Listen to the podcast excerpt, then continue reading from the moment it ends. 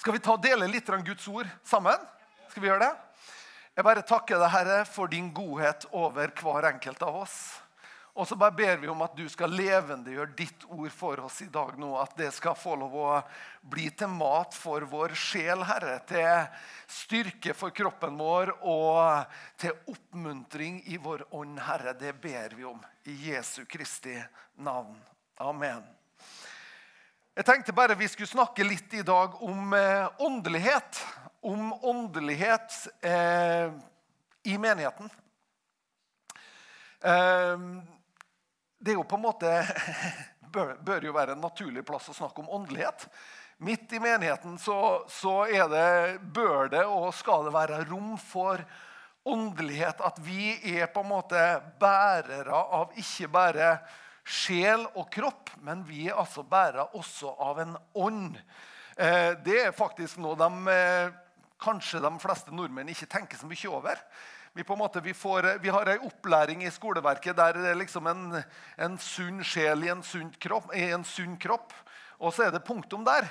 Eh, og En dag vi sto og grilla sammen med en nabo av meg, så, så, gikk jeg bort til naboen min. Han har ikke liksom denne relasjonen til Gud. Altså, går jeg bort til naboen min så sier jeg, Unnskyld at jeg spør, altså, men savner ikke du den åndelige dimensjonen i livet ditt? Ja, det har jeg aldri tenkt på. Ja, men jeg tenker at Det har så mye med livet mitt å gjøre. At jeg tenker at det er jo en så stor del av livet mitt. Så hvordan er det å leve uten den dimensjonen? Så kunne han vitne litt til meg da, om hvordan det var.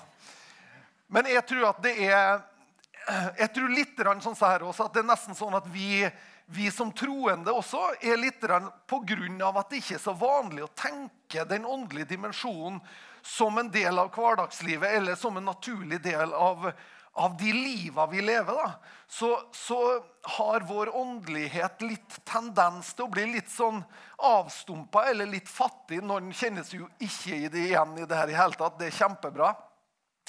Men jeg har bare lyst til å snakke om det, at det her er faktisk sånn at Gud vil at vi skal være bærere av en åndelighet som ikke er spooky eller spesiell, eller som er liksom sånn at Å ja, der kommer han svevende, liksom. Eh, men en åndelighet som er reell, som er, som er hverdagsnyttig, som er på en måte påtakelig, eh, og, og på en måte gir mennesker noe som er av substans. Ok, Hørtes det bra ut? Tenk om det kunne være sånn, da. At det er en åndelighet som er på en måte naturlig og er bare en inn, innfletta del i livet vår og i personligheten vår. Som vi lar våre naboer, venner, kollegaer få en naturlig del av. Og det kjenner jeg at jeg drømmer litt om. Og så tror jeg at også vi står i faren for at det her, det her eh, menighetssettingen eller denne, denne samlinga som vi har, eh, står man også i fare for at her blir det på en måte sånn, her blir det en åndelig getto. Så på en måte vi først, Da vi holdt liksom trykket inne så hele uka, så når vi kommer hit, da, liksom, da skal all åndelighet ut og, og, og, skal gi seg uttrykk i alle mulige rariteter. Eh, eller krumspring eller sånt der. Nå, nå, er det ikke det vi erfarer iblant oss. Men, men på en måte, og da er det veldig lett også at at da blir vi plutselig altså blir vi åndelige fordi vi må jo bevise at vi er åndelige. Og så I stedet for at det er en sånn nyttig, god, byggende, givende åndelighet, så blir det sånn opptrekte fjær. som liksom, Så spinner vi rundt da i en åndelighet, og så, og så liksom, ja, fikk du utløp, og så er vi salige for det at jeg fikk eh, uttrykk for min egen åndelighet. Men jeg tror at alt Gud gjør Gud er ordensgud, og Gud han gjør ting med hensikt. Han, han, han liksom stiller seg aldri opp og skyter i alle retninger eller bokser som en som står og bokser i løse lufta, som Paulus snakker om, der det ikke er noe hensikt. Det er på en måte, det er ikke noe, eh, det er ikke noe retning, det er ikke noe, noe som er konkret, noe som er håndpåtakelig, eller for den del noe som eh, betyr noe for mandagen etterpå. For jeg tror at eh, sann åndelighet den berører livet vår. Eh, den berører livet vår på en sånn måte at mandagen vår blir forandra. Jeg har opplevd så mange kristne møter der mennesker på en måte eh, gir uttrykk for at de møter Gud, og det har jeg veldig respekt for. Når mennesker gir et uttrykk for at 'oi, jeg møtte Gud'. Eh, men så ser jeg også dessverre at det kan gå en inflasjon i at vi påberoper oss å ha møtt Gud. Men hvis mandagen min ikke ser annerledes ut, så vil jeg allikevel stille spørsmålet hvem var det egentlig jeg møtte? Og det tenker jeg det er legitimt eh, å stille de spørsmålene. på en måte, Hva er det nyttige i der? Hva, hva, hva gjorde det med meg egentlig? Forandra det noe på djupet? Det er klart at når Jakob møtte Gud og kjempa med Gud, så står det at Jakob han ble aldri mer den samme etter han møtte Gud.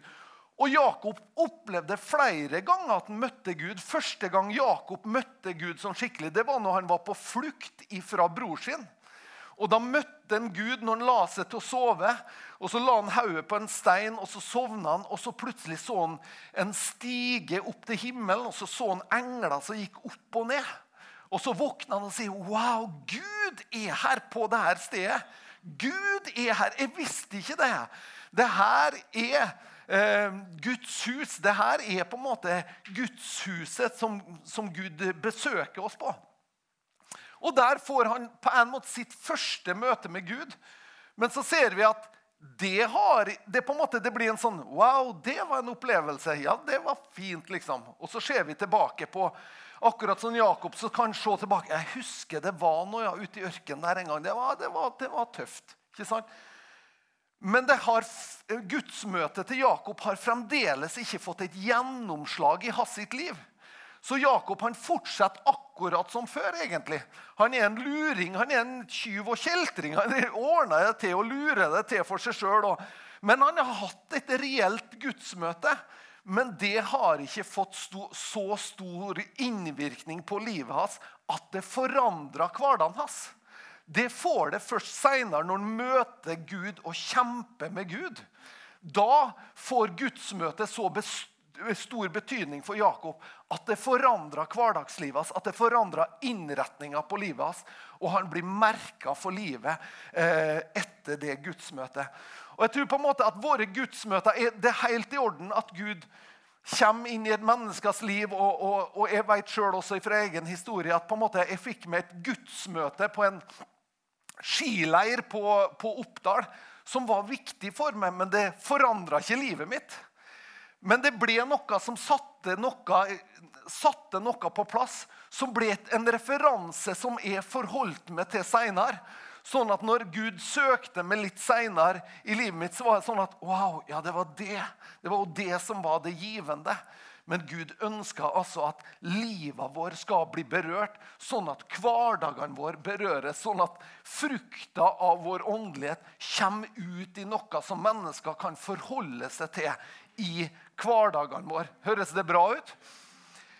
Og jeg lengter, jeg lengter skikkelig. Jeg lengter, vet du hva jeg lengter etter? Jeg lengter etter det som eh, eh, Joel profeterer. Joel profeterer det skal skje i de dager at jeg skal utøse min ånd over alt. Eh, over alt kjøtt. Mine sønner og døtre skal eh, profetere. Og Det kjenner jeg lengter etter. At sønner og døtre, altså at vi som er Guds barn, vi skal tale profetisk. Eh, gamle menn skal ha drømmer, og unge menn skal se syner. Også over treller og trellkvinner så vil jeg utøse av min ånd. Altså Det er en åndelighet som er på en måte til stede litt sånn uavhengig av eh, lukt og farge og størrelse. og sånn, Men den er der som en realitet i livet. Det lengter jeg etter. At vår åndelighet er noe vi er bærere av, og noe som har praktisk innvirkning i det at vi kan formidle løsninger ifra Gud. Så praktisk er åndeligheten at, at, Gud på en måte, Hvis du tenker på Daniel og hans sine venner i det babylonske hoffet, som da egentlig blir da bortført til Babylon eh, og, så, og så er deres åndelighet den er så praktisk at de på en måte de uttrykker det til og med i dietten de spiser. I, i hvordan de lever livet sin. Og det blir faktisk så praktisk at hele hoffet forandrer dietten sin. For de ser hvor sunt det er, det som Daniel og guttene representerer. Og det er ei side ved det. ikke sant? Og så kommer det andre sida som er mer forståelig åndelig. Det er når det gjelder drømmetydning, profetisk, i hva er det som skjer, og hva er det som rører seg, og hva er det som ligger foran. Men det er en helhet, det vi ser i Daniel sitt liv. Det er en helhet. Det er det åndelige. Det er liksom Oi, han tyda drømmer, og wow. Og, og, sånn og så tenker jeg OK, hvordan ser det ut hos oss? Hvordan ser det ut hos oss? Altså, fikk, vi hadde besøk av ei afrikansk dame en gang når hun Sylvia ble født.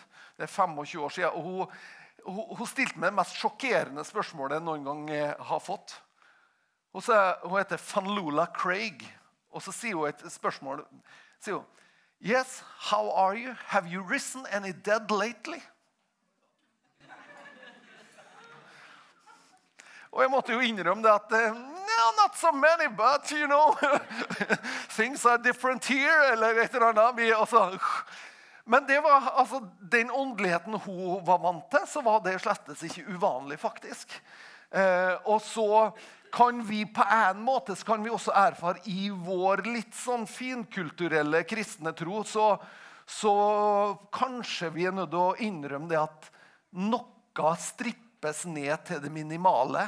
Noe strippes ned til at vi sitter igjen med en åndelighet som kanskje faktisk er fattig på nettopp det. På åndelighet. Som gjør at på en måte det vi har å gi verden rundt oss, det blir kanskje mer litt sånn positiv synsing enn det blir en formidling av Guds kraft. Paulus eh, snakker til, til korinterne, så sier han, han snakker om det her med tungetale og det med å tale profetisk. Og Der refererer Paulus til det å tale profetisk som det som er wow-faktoren i kirka. No, når noen kommer inn utenfra og opplever at vi taler profetisk, da faller mennesker på sitt ansikt og sier Wow! Gud er virkelig midt iblant dere. Jeg satt på et møte på Tingvoll, eh, på barne- og ungdomsskolen på Tingvoll en gang. Vi hadde besøk fra ei dame jeg har referert til før, som også har vært på besøk her. Det var 17 stykker på møtet, og hun taler profetisk. og så sier hun, Det er 17 stykker på møtet, og så sier hun Hun kommer fra Australia, og så sier hun det at Er det noen her som har relasjon eller kjenner noen som heter Lars? Og alle tenker på Rita sin sønn, som heter Lars. Rita sitter der, én av 17. Og så profeterer hun, og så sier hun Jeg ser han i et fly. Stemmer det? Og Rita sier ja, han er pilot. Og så fortsetter hun å si men jeg ser at han er det som han er midt imellom to jobber nå. Stemmer det? Ja, sier Rita, han er arbeidsledig. Og så sier hun som profeterer, sier, jeg ser at han flyr hjelpesendinger. Og Da blir jo Rita så berørt, for at det her er i februar, og i jula så har Lars vært hjemme litt fortvila over sin situasjon. At han er pilot, men han er eh, arbeidsledig. Men i jula så har mora tatt fra meg annonse om ei, noen som søker etter piloter som kan kjøre hjelpesendinger. Og Her kommer det en profet fra Australia som oppfordrer han til å søke på nettopp den jobben. Vet du hva opplevelsen er blant 17 stykker på Tingvoll? Det er wow! Gud er her. Gud ser, Gud berører, Gud bryr seg. Det er praktisk. Det er nærværende, det er relatert til livet vår.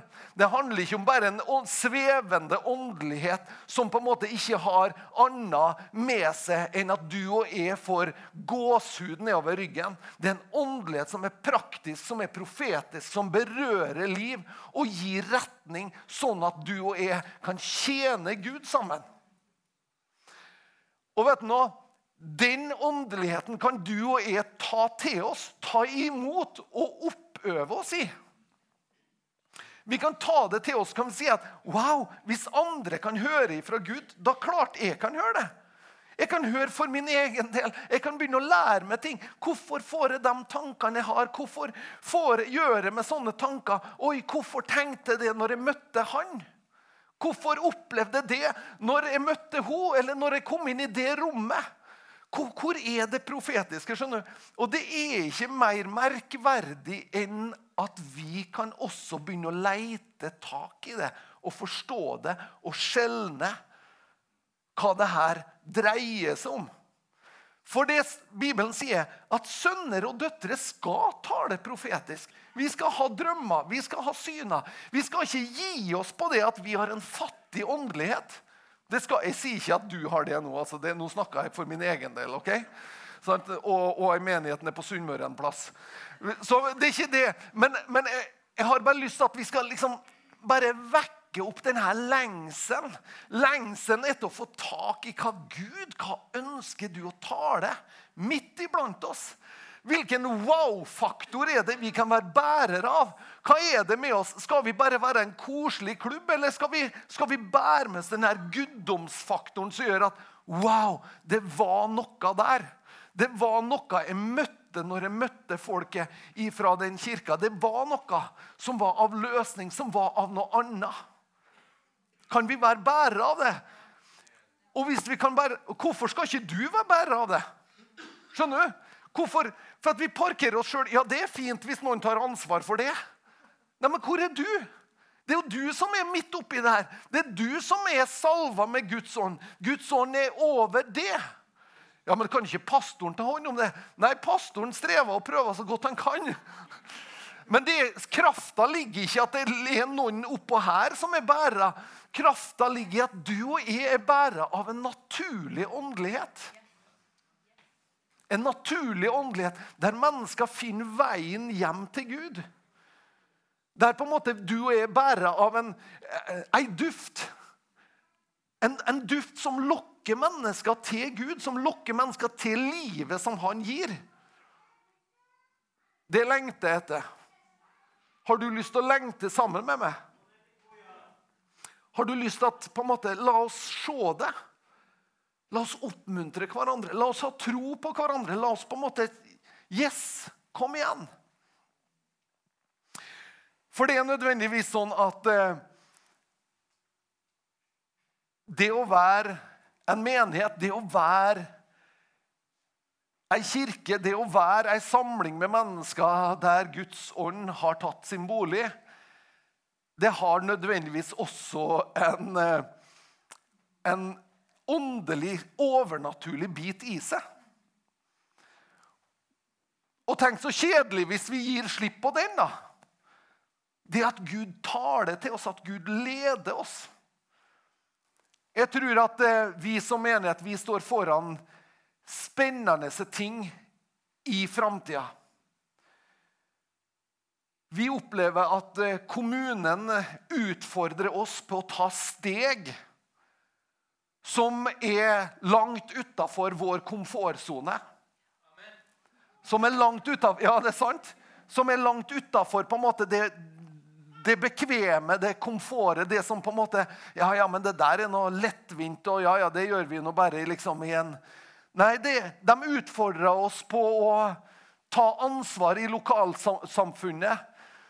Det som de har sett i huset her, det som de har opplevd ut fra huset her, er såpass positivt av lukt, av, eh, av utstråling av det det har vært, at de ønska oss inn i sentrum. Og vi har ikke sagt at ja, det, det vil vi, men vet du nå, jeg har lyst til at vi søker Gud sammen. I det profetiske. At vi søker Gud i det visjonære. At vi søker Gud i Gud, er det du som har inspirert dem? Er det sånn at vi kan si det samme som Paulus? Gud har åpna en mektig dør for evangeliet. Kan vi òg si det? Men det er først når du og jeg på en måte sier at ok, det må vi faktisk finne ut av. Det må vi sammen søke Gud om å kjenne igjen. Er det her noe som rører seg på innsida av oss? Eller er det her bare en god idé? Og vet du noe? Jeg har lyst til at du skal bruke din åndelighet til å søke Gud, til å kjenne Er det her Gud?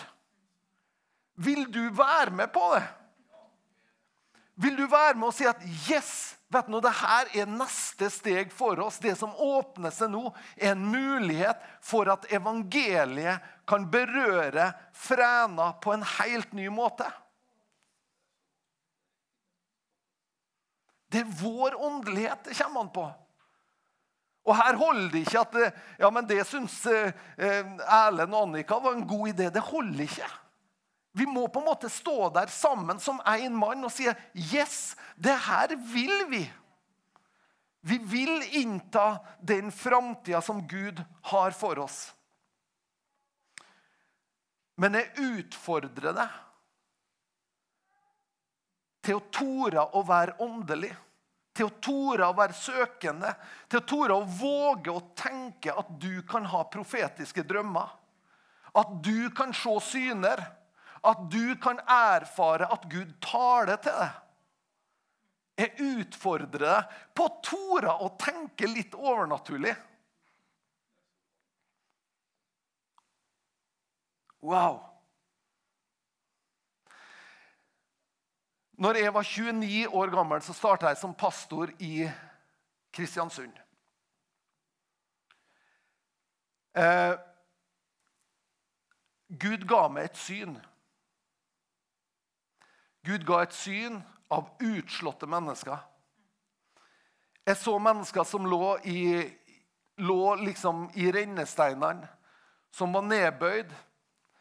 Og ut ifra det synet så formes det ei bønn og den bønna var Gud, gi oss dem som ingen andre vil ha. Og gi oss kraft til å sette dem fri. Vi så mennesker, jeg så mennesker med fasader som var vellykka.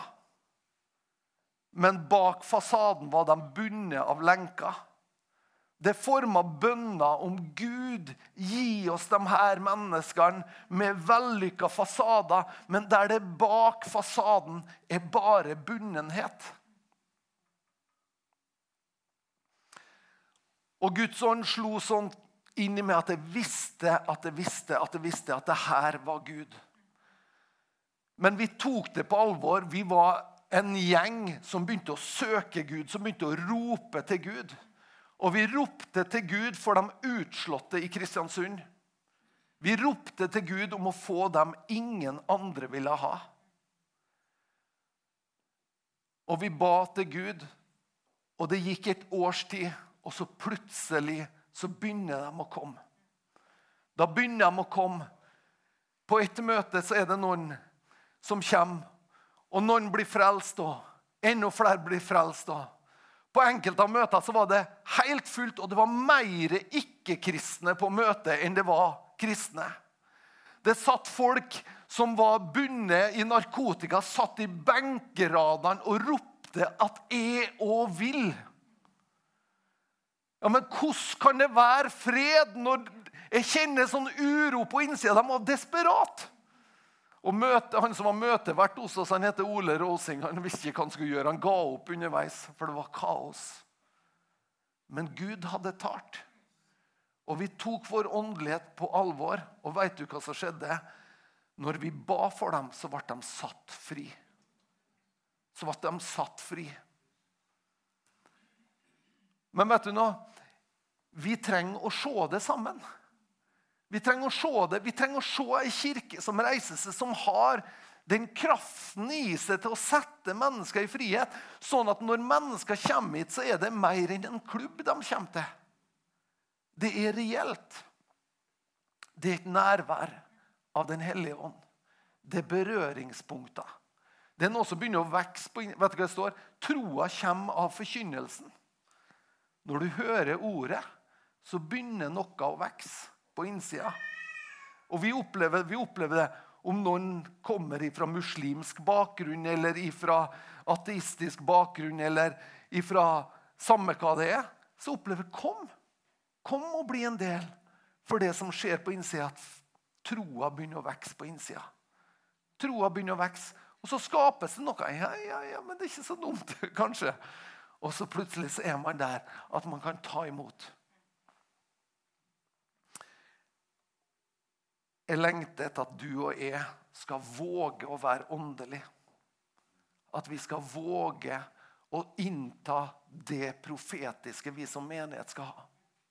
Jeg tror denne menigheten er kalt til å være et senter som er med å plante kirka i vår region. Vi kjenner i Kristiansund, i den lille menighetsplantinga vi har gjort der, så kjenner vi at det er en voldsom kraft i å ha menigheten i Ellesvågen i ryggen. Det ligger en voldsom kraft i det. Og jeg tror at vi kan være med. Og i dag, nå så samlet, Sist søndag så var det 55 på møte i Kristiansund. Nye mennesker. Mennesker som ikke, ikke på en måte tilhører noen kristen, kristen kirke i utgangspunktet. Men pga. at vi våger, pga. at Fræna pinsemed sier at 'yes, vi vil', vi tar kallet på alvor, så skapes det et fellesskap der nye mennesker får lov å komme, og nye mennesker får lov å komme til tro. På Sunndalen, en plass med 7000 mennesker, så er det ingen frimenighet i dag. Det er heldigvis ei bra statskirke med åndelig gode mennesker på Sunndalen. Så all ære dem. Men det trengs også noen som stiller seg opp på Sunndalen og forkynner evangeliet. Jeg tror at vi bærer på et kall som menighet. Men vet du noe? det blir ikke av at vi på en måte tenker at ja, men det er fint om en Erlend springer og gjør det. Det blir ved at du og jeg tar vår plass og sier vet du noe? vi skal ha tak i de visjonene Gud gir. Vi skal tale profetisk, vi skal innta, vi skal ha drømmer, vi skal våge å se syner. Er det noen som føler seg gammel her? Hvor lenge siden du har drømt drømmer? Du, Bibelen sier at du skal det. Det er helt rett at du drømmer drømmer. Men det er helt rett at du og jeg at vi inntar det som Gud har for oss. Og vet du, Jeg må bare si at det her klarer ikke jeg alene. Jeg klarer ikke det her alene. Men jeg klarer hvis vi står sammen som et folk. Men det må jeg si, vet du, jeg har like stor tro på din åndelighet som min. Jeg, har, jeg tror ikke det er forskjell på oss. Jeg tror ikke i det hele tatt at det er forskjell på oss. Din åndelighet er like viktig som min i det her.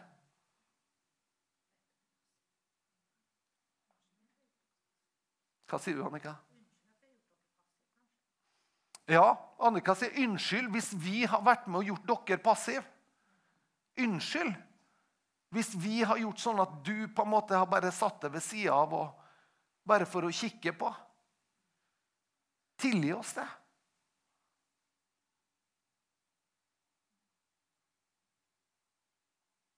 Mm. Skal vi bare takke Herren sammen? Jeg takker deg, Herre Jesus, for din godhet imot hver enkelt av oss. Og jeg takker deg, Herre Jesus, at eh, du ser ikke på den ene som større eller ringere enn den andre, Herre. Men du bare lengter din ånd skal få lov å få spillerom i livet vår. Og at din ånd skal få lov å prege livet vår, sånn at hverdagene vår blir forandra. Sånn at vi kan være med å tolke det til det vår generasjon. Sånn at vi kan være med å, å vise vår generasjon bilder av hvem du er. Hvordan du elsker, hvordan du setter fri, hvordan du skaper rom for mennesker, Herre. Hvordan du løfter mennesker ut av fornedrelse. Hvordan du setter fanger fri, Herre. Hvordan du berører på djupet, Herre. Sånn at mennesker kan få lov å se en ny morgendag, Herre. Der fortvilelse har råda, Herre, så kommer liv og frihet inn. Jeg takker for det, Herre. Takker for at vi får lov å bli bærere av det bildet som du har for vår region, for vår, vårt område, Herre. Takk for at vi får lov å bli bærere av det, Herre at vi får lov å bidra, Herre, med det du legger på oss og på våre liv. Jeg takker for hver enkelt, Herre. Takk at du hjelper oss med de her små stegene, de her hverdagsstegene. Du hjelper hver enkelt av oss, Herre, med å bare ta det lille steget. Ta den lille beslutninga. Strekk oss den lille biten til, Herre, for å innta det livet som du har for oss, Herre. I Jesu Kristi navn. Vi priser deg for det, Herre. I Jesu navn.